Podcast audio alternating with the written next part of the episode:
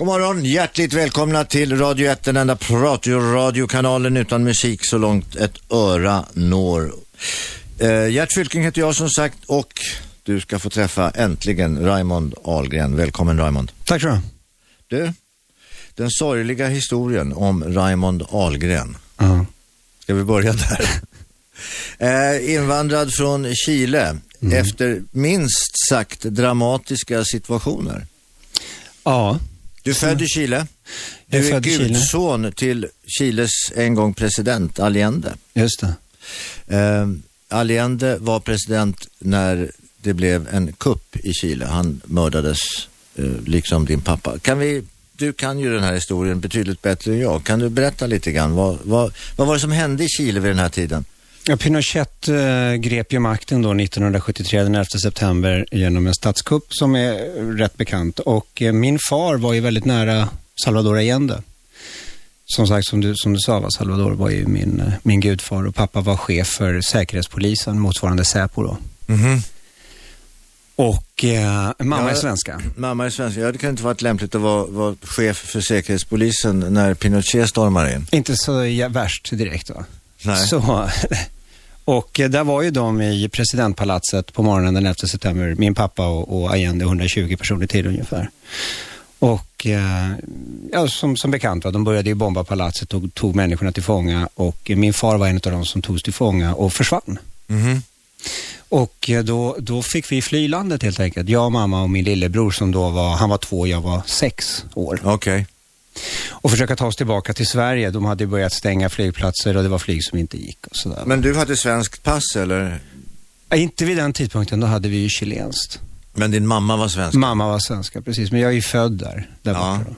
så du var chilenare per, Ja, per precis. ja, f- födsel och ohejdad vana Ja, så att säga. ja, precis. Minns du någonting från den här tiden? Ja, det. Ganska mycket.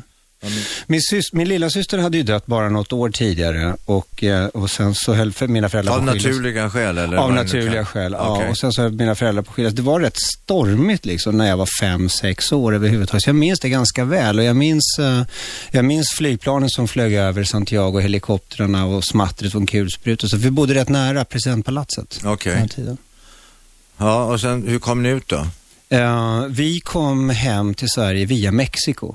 Okej. Det var den väg vi fick ta och vi, vi mellanlandade i Mexiko. Den, den mellanlandningen blev lite längre än, än planerad. då. Så där blev ett år och, och där, blev jag, där råkade jag ut för en sadistisk rektor som misshandlade mig många gånger. Va? Och så fick Va? jag, Ja. ja, Varför det? Nej, det vet jag fortfarande inte varför. Det bara var så? Ja, det var rätt brutalt. Jag brukar prata om det på mina föreläsningar, just om den, den, den, den, det sadistiska sättet han gjorde. på. Han ställde mig längst framme vid katedern och spöade skiten ur mig va, tills jag åkte omkull.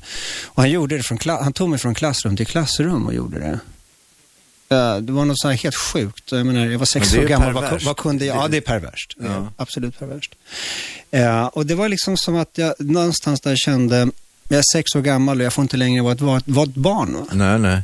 Så, så var din fråga om jag minns någonting, så jag minns väldigt mycket från den tiden. Det var inga roliga minnen. Nej, inte ett dugg. Sen kom vi till Sverige då. Och då Ja. hade jag precis fyllt sju och här fick jag ännu mer stryk. Ja, men vänta nu ett tag. Då kommer du till Sverige eh, som chilensk eh, flykting Ja, precis. eh, med din svenska mamma. Var, var hamnade ni någonstans i Sverige då? Då hamnade vi väldigt privilegierat. Mina morföräldrar bodde på Östermalm, på Strandvägen. Okej, ja då så. Så det var ju väldigt fint då. Ja, Eh, började i fältöverstens eh, förskola. okej. Men jag pratade inte ett ord svenska och så var jag ju mörkhårig. Ja. Så jag var ju eh, en blatte, helt enkelt. Ja, du hörde inte hemma. Hörde inte hemma. Det var en katt bland hermelinerna. Det kan man säga. En chilenare bland östermalmarna. Jo, men samtidigt så var ju vi som var vuxna vid den tiden, eller någorlunda vuxna i alla fall. Jag kommer ihåg det här. Jag kommer ihåg den våg av chilenare som kom av olika skäl och som, eh, som flydde hit och var tvingade att fly hit och som hamnade så småningom i Sverige. Just det. Och det var ju väldigt mycket bilder på näthinnan eh, fr från eh, sånt man hade sett på nyheterna från när Pinochet tog över och Allende i, när han sprang med någon k-pist över, över gården där presidentpalatset och allt vad det var. Det var ju väldigt dramatiskt allting det där. Ja. Och så hade vi ju våran svenska ambassadör där nere, Ärens? Eh, Edelst- Harald Ed- Edelstam. Harald Edelstam, ja. Som, som vad vi tror i alla fall gjorde ett jävla stort jobb där nere. Ja, det var lite Raoul Wallenberg av honom tror jag. Ja, Men han har ju blivit lite grann ifrågasatt också. Ja, jag vet. Tyvärr, ja, på ja, något sätt. ja. Och han fick ju ingen hjälp egentligen av de andra Nej. beskickningarna Nej. där nere. Utan han var ju ganska isolerad i det Ja, där. Och Det var ju en, i och för sig en, en tragisk historia det. Att, för det, alla såg ju vad som försiggick. Absolut. Det var ju inga hemli, inget Nej, hemlighetsmakeri kring det där. Okej, du kom till Sverige, bodde privilegierat på Strandvägen. Det är ju fint som fan det. ja. Eh, hamnar i, i svensk skola, kan ingen svenska och blir mobbad. Ja, bli mobbad och, och, få, och få stryk. Jag tänker på det du säger, att vi var ju rätt öppna, eller väldigt öppna i Sverige och, och villiga och verkligen engagerade i den chilenska rörelsen, socialistiska rörelsen där borta med Palme i spetsen och så vidare. Men det hindrar ju inte sjuåriga, åttaåriga pojkar från att slå, slå skiten ur dig. För att du är annorlunda och inte talar språket. Va? Men först, alltså, vilket, först så kommer du då, flyr du till Mexiko, får du, får du stryket av en pervers rektor. Sen kommer du till Sverige, eh, mm, Mm. där får du stryk. Mycket stryk. Ja. Lärde du dig att slå tillbaks? Nej, jag gjorde ju inte det. Ehm, jag, jag vet inte, det var inte min grej riktigt. Jag, men jag förstod rätt tidigt, där vid sju någonstans, när det här hände, så förstod jag att ett vapen som kommer att hålla, det är språket. Mm. I alla lägen. Och jag började lära mig min Bellman och min Taube. och Jaha. Så, så det var ju bra på det sättet. Och min morfar var en fantastisk människa. Han gav mig de klassiska böckerna och sagorna och sådär att lära mig. Så att det, var, det var fantastiskt. Vad Men- gjorde mamma under tiden? Hon, jobbade hon eller? Ja, hon jobbade och hon, ehm, jag menar det låter så privilegierat att mina morföräldrar bodde på Strandvägen, men, men ändå eh, någonstans. Så mamma var tvungen att få... Man få måste ju ha mat på bordet. Absolut, precis. Måste man ju. Men, men, och så hade du en uh, lillebror då? Och så en lillebror som är fyra år yngre. Och hur gammal är du idag? Idag eller då? idag? Idag är jag 44. 44. Ja, jag har ju en, eh, min son Erik är, är ju gift med Gloria som kommer från Chile och från ungefär samma eh, år, årgång som du. Samma generation. Samma generation. Vi som ärvde skiten liksom. Ja, men du, det har ju varit mycket filmer som har gjorts om det där. Bland annat så gjordes det en film av eh, Sveriges om Sveriges ambassadör Harald Edelstam med Micke Nyqvist i Just det. huvudroll. Men vi har ju sett andra filmer också som har gjorts när folk har åkt och letat efter sina försvunna barn, man har letat efter sina föräldrar och där har, hamnade ju du till slut. Du började Ja. leta efter din pappa, Ja, vad som hade hänt. Du tänker på Missing där med Jack Lemmon Ja, kanske? fantastisk den, film, Ja, alltså. ja, Costa Gavras var det, som gjorde den. Ja, Eh, ja, det där var en intressant historia. Eh, 1995 så fick vi ett eh, samtal från Rättsmedicinska institutet i Santiago om att de hade hittat det som de var rätt säkra på var kvarlevorna från min far. Vi har ju inte vetat av va- vart han tog vägen efter den 11 september 73. Nej. Vissa ledtrådar fanns. Att han var död var med all sannolikhet bekräftat men, men, eh, av, av ögonvittnen då. Men inte var hans kvarlevor fanns någonstans.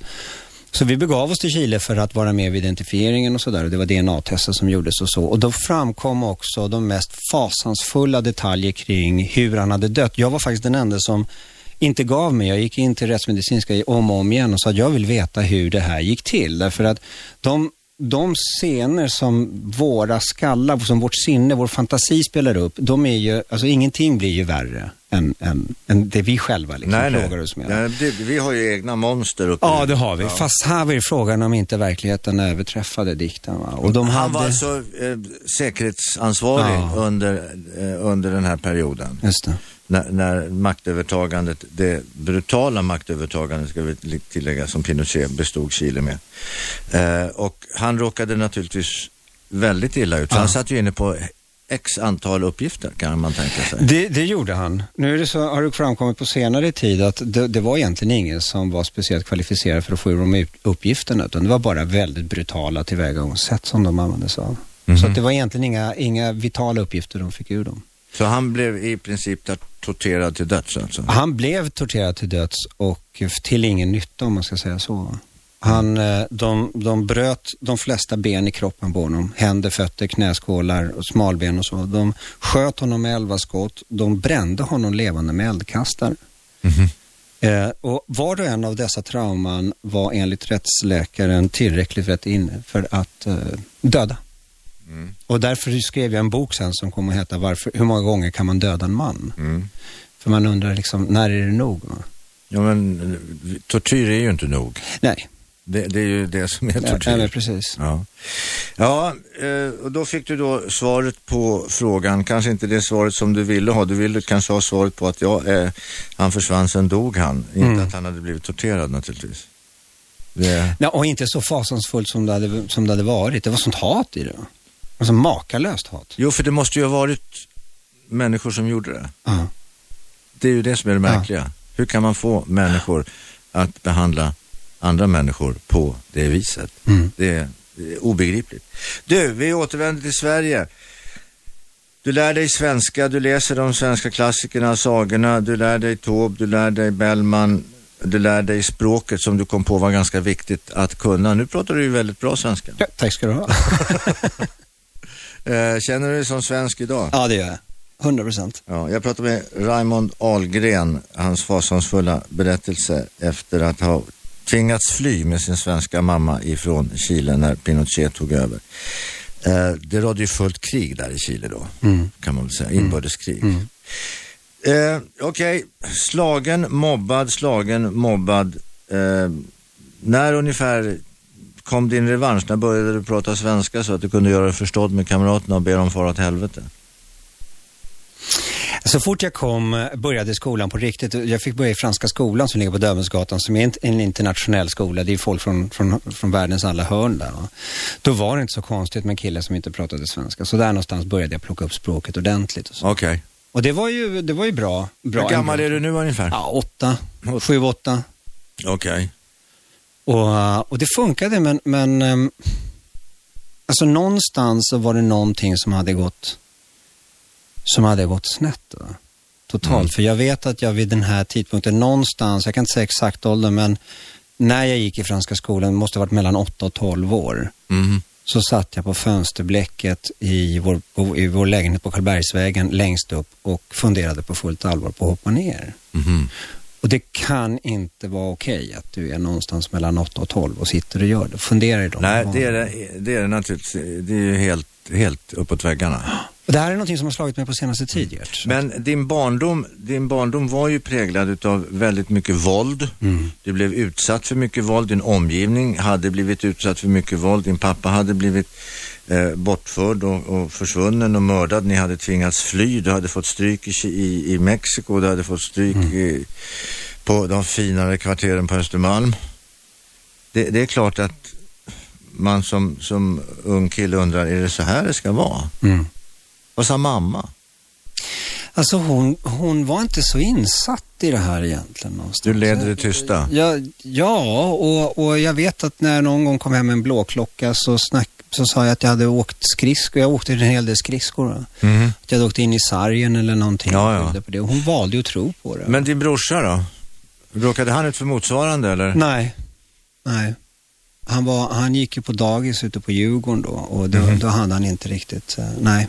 Han var för liten någonstans. Som han blev... Du fick gå i bräschen? Du ja, fick man, bana det, kan man, det kan man säga, lite grann. Ja. Okej, okay. sen, sen så åkte du tillbaka till Chile. Man hade hittat eh, det man åtminstone trodde då var kvarlevorna utav eh, din pappa. Man gjorde en identifiering och man kunde också konstatera att han hade blivit otroligt eh, misshandlad, mm. torterad, mm. till ingen nytta i princip. Precis.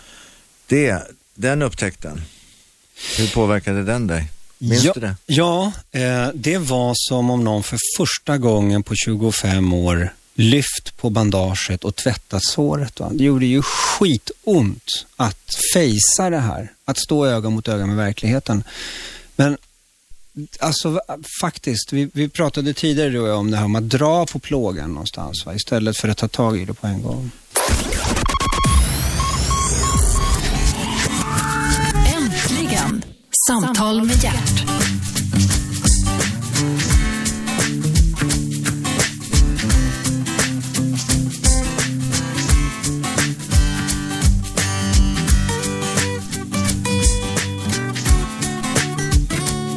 Välkomna tillbaka, Gert Fylking heter jag. Du lyssnar till Radio 1, Sveriges nya pratradio. Programmet heter Äntligen och äntligen är Raymond Ahlgren här. Raymond Ahlgren, numera över 40 år gammal. 44 var det va? 44. Tvingades fly från Chile tillsammans med sin mamma och lillebror efter eh, kuppen i Chile den 11 september 73 var det va? Mm. Mm. Eh, pappa hade jobbat nära den dåvarande presidenten Allende och eh, hade varit säkerhetsansvarig eh, blivit tillfångatagen, sedermera torterad. Ja, 25 år senare så fick du reda på vad som hade hänt med din pappa. Just det. Vad hade hänt med din pappa? De hittade ju eh, rester i en massgrav i, i eh, kyrkogården i Chile och eh, ja, de kunde fastställa att han hade blivit sönderslagen fullkomligt och varenda ben i kroppen i princip var, var sönderslaget. Det var ju så händer och knäskålar. Till och med eh, skulderbladen var sönderslagna. Mhm. Eh, sen hade de bränt honom levande med eldkastare troligtvis eftersom benen var brända. Man hade bränt genom köttet. Medan han levde, och det kan man också konstatera, va? på grund av att blod har förflutit genom Mm. På benen. Och slutligen skjutit honom med elva skott. Så det Ofattbart. var- Ja, det, det är Vilket helt, hat. Ja, det är helt sjukt. Det, det, det är inte, för när man tänker på, ja visst, men det är faktiskt människor som har gjort det där. Ja. Hur tänkte de? Vad tänkte de? Nej, jag vet och hur inte. mår de idag? Jag vet inte hur de där mekanismerna funkar, det, men det, det är fullkomligt skruvat att, att göra en sån här grej. Sen så kom du så småningom till Mexiko, ni flydde till Mexiko. Eh, din mamma var svenska, ni var på väg mot Sverige, ni hamnade i Mexiko. Där hamnade du i en skola där du fick stryk av en pervers rektor. Mm. Det var inte klokt det. Nej, nej. Och jag har ingen förklaring på varför det var på det sättet. Jag vet inte om, jag vet inte om vår historia Står hade... det skrivet offer i pannan på dig? Ja, det måste ha gjort det någonstans. Och jag vet inte om han kände till vår story, var vi kommer ifrån, om han eh, tillhörde högern och var någon Pinochet-anhängare. Jag vet inte. Jag har alltså ingen aning. Man skulle ju kunna tänka sig det, Ja. om man vill söka förklaringar. Men det var ju bara en per pervers Det kan en pervers grej. Han kanske Ja. gjorde så mot andra också, det minns jag inte. Men det där var en, en, en fruktansvärt mörk tid. Och dessutom under det där året som, en- som då var, vi, min mor hade då träffat en ny man. Mamma och pappa hade precis skilt sig då Okej. i Chile. Och, och hans äldsta son försökte förgripa sig på mig under det här året. Så jag fick ju sova med ett, ett öga öppet på nätterna. Så det, jävla, det, var, det, var, det var ett jobbigt år. Hur gammal Men, var han? eh, Ja, han kan ha varit 11-12 någonting. Va? Jag var ju sju, sex, sju. Alltså, ja. Ja, det, var, det känns på något sätt som att du har fått mer än din del. Nej men jag, jag vet inte Gert, jag kan inte säga det på fullt allvar för jag har fått så in i bängen mycket annat bra liksom. Så att Jo, det, jag tror jo, att summan är helt, alltså, Ja, ja, ja, det balansen är, ja det gör det. Det alla, alla gånger. Men i alla fall, sen kommer du till skolan, får du stryk, sen så småningom så planar det där ut. Mm. Men det satte sådana spår så att du faktiskt sen så småningom sitter på fönsterblecket på Karlbergsvägen i tioårsåldern och tänker, ska jag hoppa nu eller? Ja. Det, den här, det här minnet, som är extremt tydligt, det kom till mig ganska nyligen och det var, det var faktiskt mycket jobbigare än vad jag trodde att, att komma till den insikten. Jag har faktiskt suttit på det där fönsterbräcket och tänkt på allvar att ta mitt liv. Uh, det var faktiskt, ut, utav alla de här grejerna vi pratar om nu så har det, ingenting har känts speciellt tungt förutom det där måste jag säga. Mm. Du, sen så, sen så gick du vidare, gick i skolan. Den började missköta dig. Mm, Ja, inte riktigt va. Sen fyllde jag 12 år och då träffade min mor en ny man och han råkade vara VD för ett eh, svenskt bolag, Atlas Copco, i utlandet, i Peru, i Latinamerika. Mhm. Och då eh, blev jag dumpad på internat istället. Så, Mhm. så mamma gifte om sig, tog lillebror och flyttade utomlands. Och då hamnade jag på internatskola, 12 år gammal. Så det var jag görs till. Den tryggheten, till den den, trygg- familjära tryggheten, Japp. den inre kretsen. Ja. Var, var var det någonstans? Lund? Sigtuna. Sigtuna, okej. Ja, där har vi ju sett eh, en film som heter Ondskan. Den var i och för sig från Lundsberg påstås det. Men i alla fall, ja. Eh, hur var tiden där då? Du, jag måste säga att den tiden är de faktiskt de sju mest fantastiska åren i mitt liv. Mhm. Förutom det faktum att jag kände mig dumpad, och vilket jag delade med väldigt många andra elever på den tiden. Alltså man kände sig dumpad av föräldrarna. Ja, just Satt det. På det som, nu ska vi, ja, placerad, inte önskvärd, inte välkommen hemma. Det var någonting som vi, och då gjorde det också att vår ilska över att ha blivit dumpad gick ut över all form av auktoritet. I det här fallet lärare, husföräldrar och Ja, ja. skolledning. Okej. Så vi förde ju, levde ju rövare där i sju års tid och blev ju en ledare i mångt och mycket. Så ledde andra elever på, på en massa dumheter. Jaha. Jag började missbruka. Redan vid 12 tog jag min första hasch och marijuanabit. Mhm. Förlorade min oskuld till två prostituerade när jag var 12 år gammal, vilket är rätt skruvat också. Mm. Ja, jag Så- bara, ja, jag, nej, jag det- bara suckar här på och min sida söp bordet. och eh, härjade och Som, sådär. eh, alltså inte ens tonåring. Nej. Okej, hur gick det genom skolan där då, på internatet? Fortsatte du Ehm, med lite syndiga lever? som Ja, det det, det gjorde jag ju. Och jag hade ju väldigt eh, många trogna vapendragare där som kom från lite trasiga förhållanden, som kände sig dumpade, som Okej. hade provat på både det ena och det andra, bott i utlandet och sådär. Så det fanns ju en tillgång till... Ja, men går man på Sigtuna så tillhör man ju ändå i viss mån en privilegierad klass. Ja, det gör man. Det kostar ju en slant att gå på sådana här internat. ja, Så att eh, det var ju välbärgade föräldrars barn som gick där. ja. Okej, och så, så att pengar var ju inget problem Nej, då? nej. Utan det var ju bara att gå ut och handla? Pengar och kontakter för att få tag på vad det vi ville ha. Det var inget tungt missbruk då. Det började så det, vi drack ju lite grann och sen så rökte vi på. Det var ju det vi gjorde där. Mm. Eh, och det är så, det är så märkligt, man, man ser ju aldrig sig själv som en missbrukare. Va? För mig var en alkoholist, det var alltid någon som satt på en parkbänk och halsade spolarvätska och luktade kattpiss. Det var, för mig. En missbrukare. Ja, precis. Ja. Det var min bild. Men så vaknar du upp 20 år senare, en dag, och tänker, vad fan är det här? Jag dricker ju varje dag. Och jag har druckit varje dag de senaste 20 åren. Jag har inte gått och lagt mig nykter en enda gång. Nu hoppade jag händelserna lite i förväg, men, Ja. men det är just det här att i, i det här missbruket, det som började vid 12 års ålder uppåt, så fanns det, jag hade inte en chans, jag kunde inte se det här komma, att jag var på väg in i ett missbruk. Att jag var en missbrukare. Det var ju ett missbruk. Ja, absolut. Men du hade inte hamnat på parkbänken? Nej, nej. Och så länge jag inte hamnade på parkbänken så var jag okej. Ja. Jag drack dyra viner med hus på, va? Mm. Inte någon tedoja. Nej, nej. Nej. Då, då var du inte missbrukare? Då är man inte missbrukare. Man gillar vin. Va? Ja, ja. Du, det här vinet kostar 180 spänn. Ja, det Skit tar vi. Ja, visst, det tar Okej, vi ska prata mer hur du gick in i mi- missbruket, hur, det, hur du senare tog dig ur det här. För du har ju ändå du har ju rest dig, kommit igen och kunnat dra erfarenheterna framåt och du är nu framgångsrik föredragshållare och skrivit böcker och ja, vi ska ta vidare. Jag pratar med Raymond Ahlgren, Gert Fylking heter jag, du lyssnar på Radio 1, Sveriges nya pratradiokanal. Äntligen! Samtal med Gert.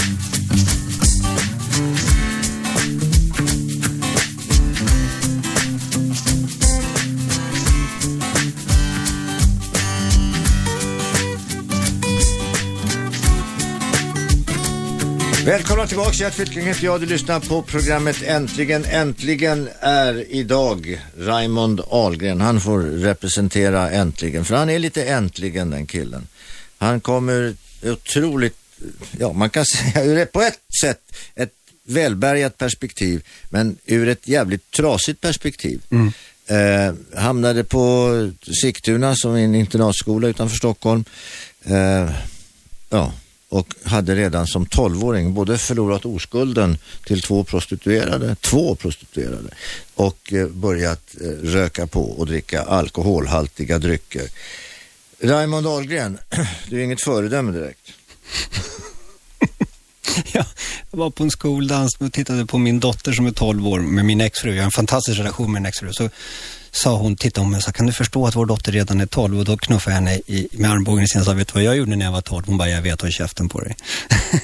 Ja. det är, men det, vi, vi tittar på det med humor, jag och min exfru. då, För att det är en resa jag har gjort och det, det gör också att vi, mina barn slipper det Ja. fullt ut. Liksom.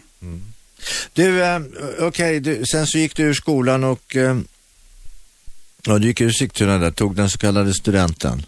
Eller? Nej, jag hoppade av två månader innan studenten. Som allting annat så satte jag kroppen för mig själv precis vid målsnöret. Jaha. Det, det står Varför my det life. då? Nej, det, alltså, det, det finns en del människor, eh, jag tillhör dem, som vi klagar, vi påstår att, att livet hela tiden sätter kroppen för gör, för oss och gör det svårt. Men det är inte sant. Vi sätter kroppen för oss själva hela tiden. Och så snart det vankas målsnöre, så snart det handlar om att gå i mål och slutföra något, då ser vi till att sabba det för oss. Vare sig det gäller relation, eller jobb, eller student eller vad fan det är. Va? Ja, men två- är, kan det vara så lätt eller svårt? Jag, jag ställa en fråga här som i, i, lite grann utifrån min egen, egen situation Ja. i livet.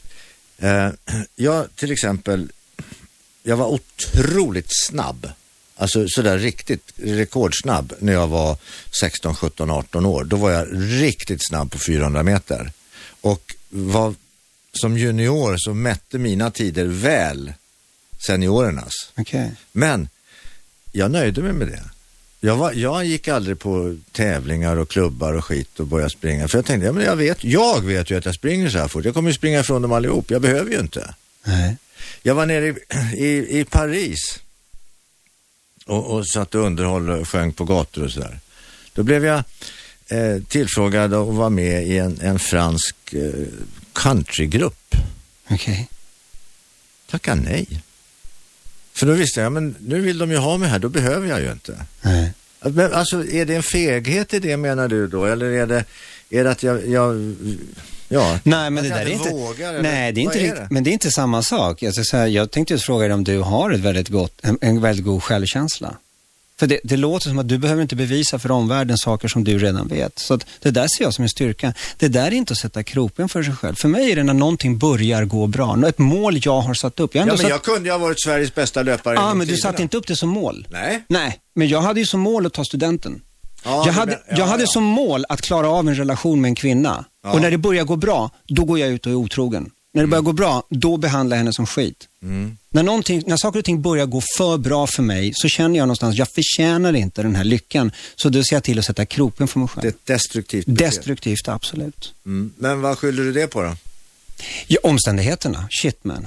Alltså jag var ju världsmästare på att skylla saker och ting på, på omständigheterna. Andra människor, min mamma, hur mycket skit hon fick ta. Ja, och- Pinochet. Och, Pinochet och, och, en flykten från Chile och, att du blev misshandlad som barn. Ja, och, och, och, Det var allas fel, det var omständigheterna, det var den där sadistiska rektorn i Mexiko, det var killen som försökte förgripa sig på mig. Det var ju allas fel.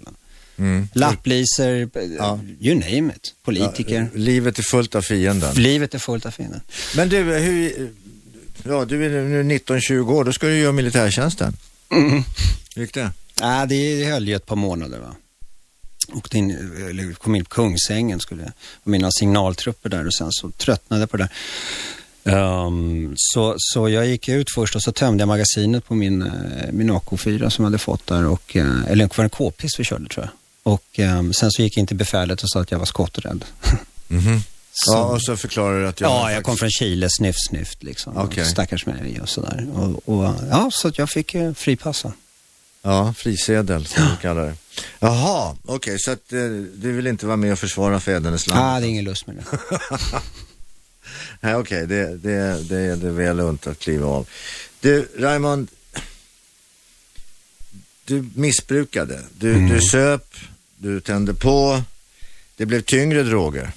Ja, det var ett år drygt som jag gick på rökheroin. Det var, ju, Okej. det var ju en, eh, det var ju en resa i sig alltså. Ja. Av, av, av allt, jag har ju provat allt mellan himmel och jord, LSD, kola, amfetamin, du vet, rubbet. Men heroinet greppade ju mig fysiskt på ett sätt som jag inte trodde var möjligt. Fast man har hört det, man är ju fan, det vet man ju sedan barnsben att heroin, liksom. Jo, men det är, det är ju samma sak som med trafikolyckor, det händer ju inte. Det mig. händer inte mig, nej. Sätt inte handen på plattan, säger de, så Ja. testar man ändå. Va? Ja. Och eh, det var ju djävulskt. Men eh, det, jag tog mig ur det, eh, tillsammans med alla andra missbruk. Mm. Är du ren idag? Jag är ren idag, men, men alltså jag tror att summan av missbruken är konstant. Jag missbrukar väl någonting annat idag då. Ja, du skilde dig Ja. eh, så småningom från din då, som du tyckte underbara hustru. Och så gick det lite för bra, så var du lite för kär och ditt destruktiva beteende, ja, det ledde till så här bra kan inte jag ha det, hej då. Ja, men ungefär. Jag hade ju, jag hade någonting som hette Svenska innebandyligan som var ett seriesystem för innebandy och eh, det gick fruktansvärt bra. Jag hade anställda, behövde inte jobba. Det ett stort hus på Lidingö, precis bredvid golfbanan, två bilar på uppfarten. Jag hade precis allting, den här fasaden som jag behövde visa upp och my- mycket pengar på banken. Sålde innebandyligan och fick alldeles för mycket pengar över och för mycket fritid. Då. Så gammal reklamare som jag är så kunde jag kno- knåpa upp en förbannat snygg eh, kontaktannons och gick ut på alla de här kontaktsajserna, vad heter de, Match och ja, you name it. Ja, ja. Och började ju, och jag släppte ju handbromsen helt. Du började dejta? Jag började dejta. Jag söp, knarka och dejta. Mm. Det var en bra kombo. Och i, Söp, knarka och knulla. kan man säga. Det var det det blev. Det var det det blev. Mm. Hur mycket blev det på ett år? Ehm, ja, ganska skrämmande. På ett år så var jag som med hundra kvinnor. En ny var tredje dag. Mm. Och sen var det väl lite frukost där på sängen också kanske? Och dessemellan så var det Ja. vad jag kallade då för repriser. Va? Så Ja. att jag räknade ut att på ett år sov jag själv i egen säng sex nätter. Mm. Som jag sa tidigare, du är inget föredöme Raymond. Nej, inte riktigt. Okej, men, men det var ju också ett missbruk. Ja, Eller absolut. det är ju också ett Det är ju det, absolut. sexmissbruk. Ja. Men hur orkade du med det där då? ja, det gör man ju inte. Det höll ett år. Sen pall, jag pallade inte, men det var ju någon som hade varnat mig redan i början på den, där, på den resan, att, eh, som hade sett det här tidigare. Så att varje erövring, så, kom, så du tror att du fyller på det själva tomrummet i dig själv, fick jag höra. Men du, i, i, själva verket urholkar du dig själv. Och jag viftade ju bort det där, precis som allting annat. Precis som heroin eller alkohol eller vad som Äh, fan jag har koll. Va? Ja, det går bra nu. Ja, det går bra nu. och jag har koll. Se, se på mitt CV, se hur det har gått tidigare. Ja, ja. Framförallt. Va? Ja. Och, det, och det, den här personen hade rätt. Det tog ett år så insåg jag att jag blev, för varje erövring så blev jag bara tommare och tommare. Och vi, vi kallar det för sexmissbruk, men egentligen är det inte det. Alltså sexet som sådant är ett slutgiltigt kvitto på att jag kom hela vägen.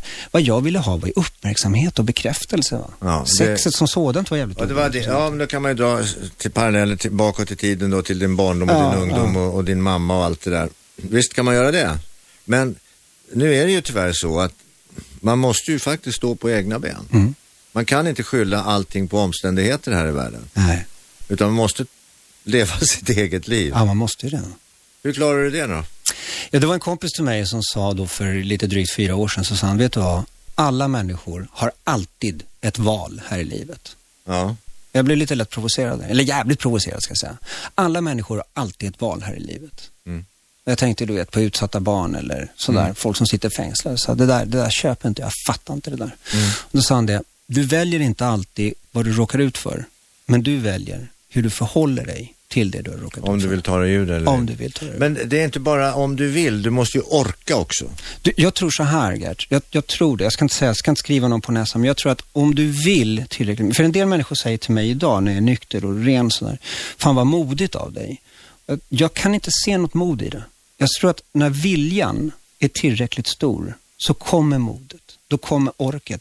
Om, om det brinner i ett hus och mina barn är där behöver inte jag samla mod för att springa in och Ja, du hämta springer dem. bara in och du springer bara in och Ja, hämtar. Så ja. viljan är större än någonting annat. För att jag, jag råkade ut för en, en eh, rätt töntig sak. Det är ju roligt när gamla farbröder snubblar på gatan. Men jag ramlade i alla fall handlöst. Jag hade ingen möjlighet eh, att ta emot mig annat än med knät. Eh, och slog mig så in i helvete. Alltså det gjorde nog så fruktansvärt ont. Och det var, du vet det där när det bara går stjärnor runt omkring och, och, och eh, benet var som förlamat. Och så kommer det fram en snäll eh, kille där och säger, ska jag hjälpa dig upp?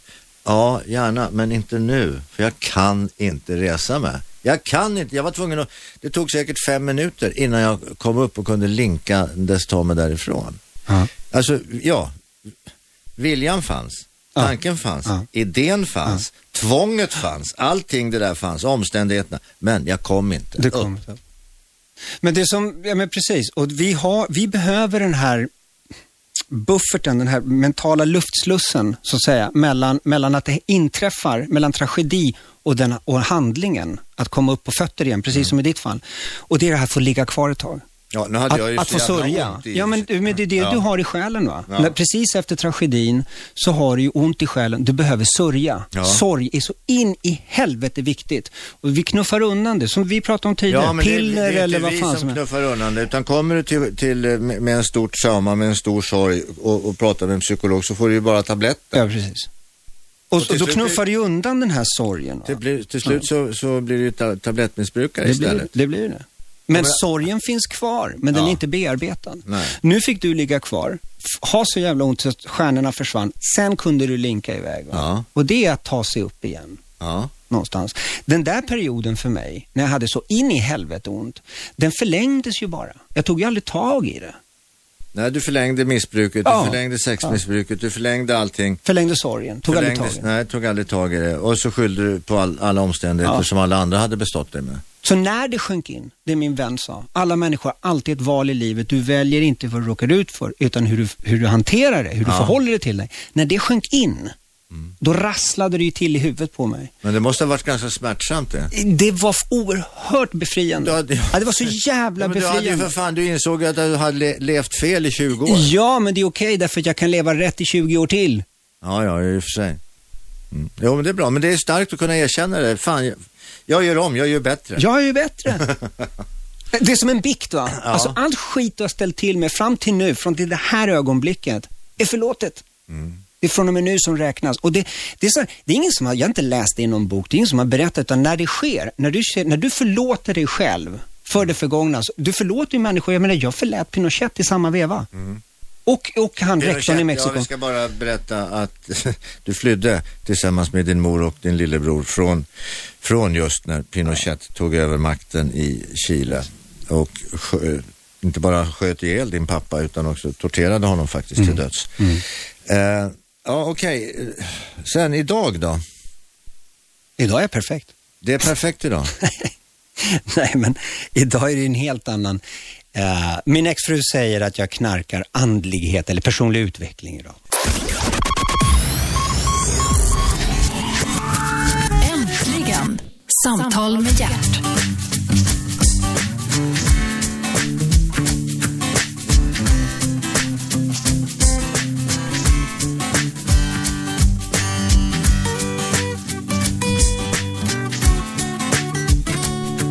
Välkomna tillbaka. Gert Fylking heter jag. Eh, programmet heter Äntligen kanalen, Radio 1, den enda pratradiokanalen. Och äntligen får jag möta Raimond Ahlgren. Raimond, hur känns det? Det är fantastiskt bra. Eh, du har berättat om eh, att du har varit missbrukare på alla håll och kanter i princip med alla medikamenter och förbjudna sorter som finns och även kvinnor. Mm. Det tog dig 20 år via en god vän faktiskt som påverkade dig så pass att du tog dig själv i kragen och kvicknade till. Ja, ja nej, det, var ju, det var ju så att säga en grej som han sa. Det var ju många grejer som olika människor Jo, men det, det finns någonting som heter tungan på vågen. Ja, jo, det, det, det är sant. Jag Droppen säga, som får bägaren att rinna över. ja, men då, och då ska jag säga att då är det faktiskt en annan god vän som gjorde det som egentligen var avgörande. Och det är, alltså alla, jag tror så här. Ta det jag säger för mina sanningar Ja, så att du inte behöver liksom slå upp det här någonstans det stämmer inte. Det här är mina sanningar. Jag anser att alla missbrukare, och för det första så är vi alla missbrukare. Alla knarkar någonting, va? uppmärksamhet, mobiltelefoner, vad fan det nu är. Mm. Men all, för att bryta ett missbruk måste du slå i botten först. Mm. Okej. Botten för mig var en bild jag hade. Det var en parkbänksalkis som jag kallar det för, som du vet luktar ammoniak och hals och Ja. spolarvätska. Det trodde jag var botten. Tills någon sa, nej min vän, du måste slå i botten. Men botten är inte konstant. Du kan höja botten. Ja. Där du är idag kan vara ditt lägsta. Det var det första. Ja. Det andra var när, när, när jag förstod att ingen missbrukare kan missbruka på egen hand. Nej. Vi blir alltid sponsrade, vi får hjälp av människor runt omkring oss. Mm. Mamman som betalar hyran till sin 45-åriga heroinistson för att inte han ska hamna på, på gatan. Hon sponsrar ju bara en månads missbruk till. Mm. Det bästa hon kan göra är att låta snubben hamna på gatan och i så fall ta tag i det på någon vänster. Och här var det en god vän till mig, en jättegammal eh, tjejkompis från Franska skolan som sa, vet du vad Raymond, jag älskar dig. Men du och din bästa kompis, som heter missbruk, Mm. ni lyssnar inte på mig, ni bara snackar skit om mig bakom ryggen. Så vet du vad jag kommer att göra? Jag kommer att ta ett steg ut från ditt liv. Men jag finns här vid kanten. Så när du är beredd att byta bästa kompis, ropa på mig så kommer jag tillbaka. Och lämnade mig. Då, där och då var hon det största arslet på jorden tyckte jag. Ja, det är Hur klart. fan kan hon lämna Hon mig? sviker ju. Japp. Men där, i ensamheten, för fler och fler började lämna mig. De stod ju inte ut med mitt våldsamma supande och knarkande och härjande. Och, Pengar hade du. och pengar hade, och ego. Mm. Holy Ett shit. stort ego. Ja, värsta egot. Eh, ingen stod ut med det där längre. Så när människor lämnade mig, då, då, då blåser det jävligt kallt va, när, det, när, när du står ensam. Ja, och det spelar ju ingen roll hur fint om man har det ordnat runt Nej. omkring sig i, i alla fall. För då ensam är ensam. Ensam, ensam. Så där var det, hennes eh, agerande var det som hjälpte mig bäst. Att förstå att jag kommer ju stå ensam här. Mm. Och, Och det, du- det tvingade mig till en förändring. Ja, men det tvingade dig att stå lite ensam ett tag också. det gjorde det. Hur länge, hur länge tog det här uppvaknandet? Accept, du, för det, du måste ju någonstans komma fram till en acceptans. Ja, precis. Och jag började gå, jag gick någon kurs i personlig utveckling. Jag tyckte det där, och jag tänkte det där är inte för mig. Personlig utveckling, det är gubbar i glest skägg med små mysbyxor som håller varandra i händerna. Inte min pryl. Jag är för tuff för det va. Jag är alldeles för snygg för det tyckte jag. Mm. Jävla inställning. Men eh, jag tog mig dit i alla fall och upptäckte att det var ju vanliga människor som var på den här kursen och det var rätt vettiga saker som sades. Mm.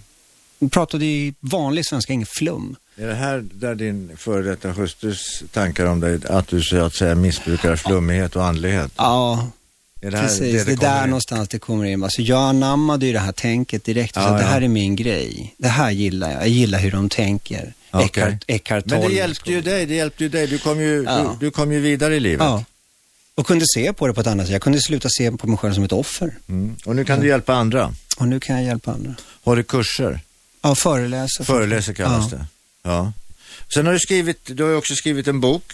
Ja. Du har skrivit en bok om, om vad som hände med din pappa. Hur många gånger kan man döda en människa? Mm. Eh, du, det här att förlora, du har ju förlorat så många oskulder som Mm. inte vanligtvis människor tvingas göra. Man tvingas ju inte uppleva att ens, och förstå att ens far har blivit torterad till döds. Man, det är väldigt få människor som tvingas fly från sitt hem och sitt land och hamna på en skola där man blir fysiskt misshandlad av en idiot, pervers jävla rektor. Mm. Man blir förgripen av en, en styvbror som är bara några år äldre, Mm. sexuellt förgripen på. Och så vidare och så vidare och så vidare. Alltså du har, du har ju gjort saker och varit utsatt för saker och tvingats ut- utstå saker som väldigt få människor ens är i närheten av. Men som ändå hamnar tokigt till i livet. Här, du hade ju en hel jävla uppsjö av saker att skylla på. Skydda dig bakom, hålla upp ett plakat. Det är synd om mig, jag är ett offer, därför är jag som jag är. Ja. Hur länge höll det? Hur länge kunde du? Offerrollen? Ja. ja, men den höll ju tills jag var 40. Mm. Det är fyra år sedan ungefär. Mm. Och eh, så gick jag på de här seminarierna. Då, var, då knackade de ju sönder fasaden och sa åt mig liksom, vakna nu din jävel. Mm. Kom igen, du är vuxen. Du är inget offer. Nej, du är inget offer. Nej. Är det, där, är det det här du vill presentera för dina barn? Mhm. Och när du ser dig själv i spegeln som, den här, som det här offret va, som bara skyller sina misslyckanden på allt och alla. Och de ställer frågan, är det det här du vill visa dina barn? Då är ju svaret bara nej. I helvete att det är. Sträck på dig. Ja, och det gjorde du. Ja. Du. Hur ser nu din framtid ut då? Hur ser min framtid Jag ut? menar, du, du är 44 år idag. Du har varit frisk, om man använder det ordet. Fri, fri från... Fri eh, från missbruk Ja. i, i eh, fyra år. Ja. Eh, hur ser framtiden ut? Jag har ingen aning. Vad ska du ägna dig åt? Du måste ju ändå... Ja, men jag gör ju det jag älskar nu. Att Ja. stå på en scen och föreläsa. Och jag gör ju det i kombination, jag har en elgitarr också, när, så jag spelar elgitarr och föreläser. Så jag gör liksom två saker jag älskar samtidigt. Och ja, jag har ingen aning om vad, fri, vad framtiden bär i sitt sköte. Men här och nu är jävligt fantastiskt. Alltså. Men eh, vad, vad, vad är du rädd för? Är du rädd för att du ska Nej. falla tillbaka? Nej, eh, nej. Det finns inte, jag tror inte att, alltså en gång du har varit där, en gång du har förstått vad det handlar om, då tror jag inte att du, det finns ingen risk. Inte en chans, inte på världskartan. Det finns ingen anledning att gå tillbaka. Nej, nej. Det finns inget hopp där. nej. Det- Jag gick ju inte AA heller för att sluta, utan det var bara att viljan var så makalöst stor. Jag vill inte vara där. Och Jag vill inte vara offret. Mm. Jag vill inte vara den som säger att saker och ting händer mig. Jag vill få saker och ting att hända. Va?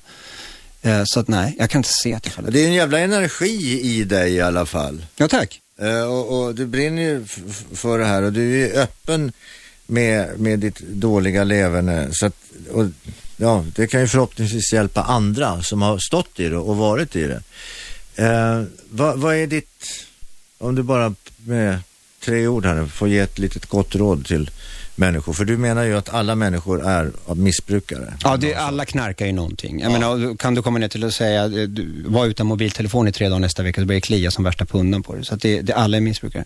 Ska jag säga någonting så handlar om, lycka handlar om att leva ett medvetet tillstånd. Var vaken, lev vaket, gå inte på autopilot. Va? Och gör, ta tag i det, liksom nu, idag. Det blir inte lättare senare, det blir bara senare. Vad det? det är kort nog. Det var bra. Det blir inte lättare senare, det blir bara senare. Ja, det är bra. Tack Raymond Tack Ahlgren. Tack så mycket för att du kom hit Tack. till Radio 1 och var med i programmet Äntligen. Gert Fylking heter jag. 101,9 Radio 1. Sveriges nya pratradio.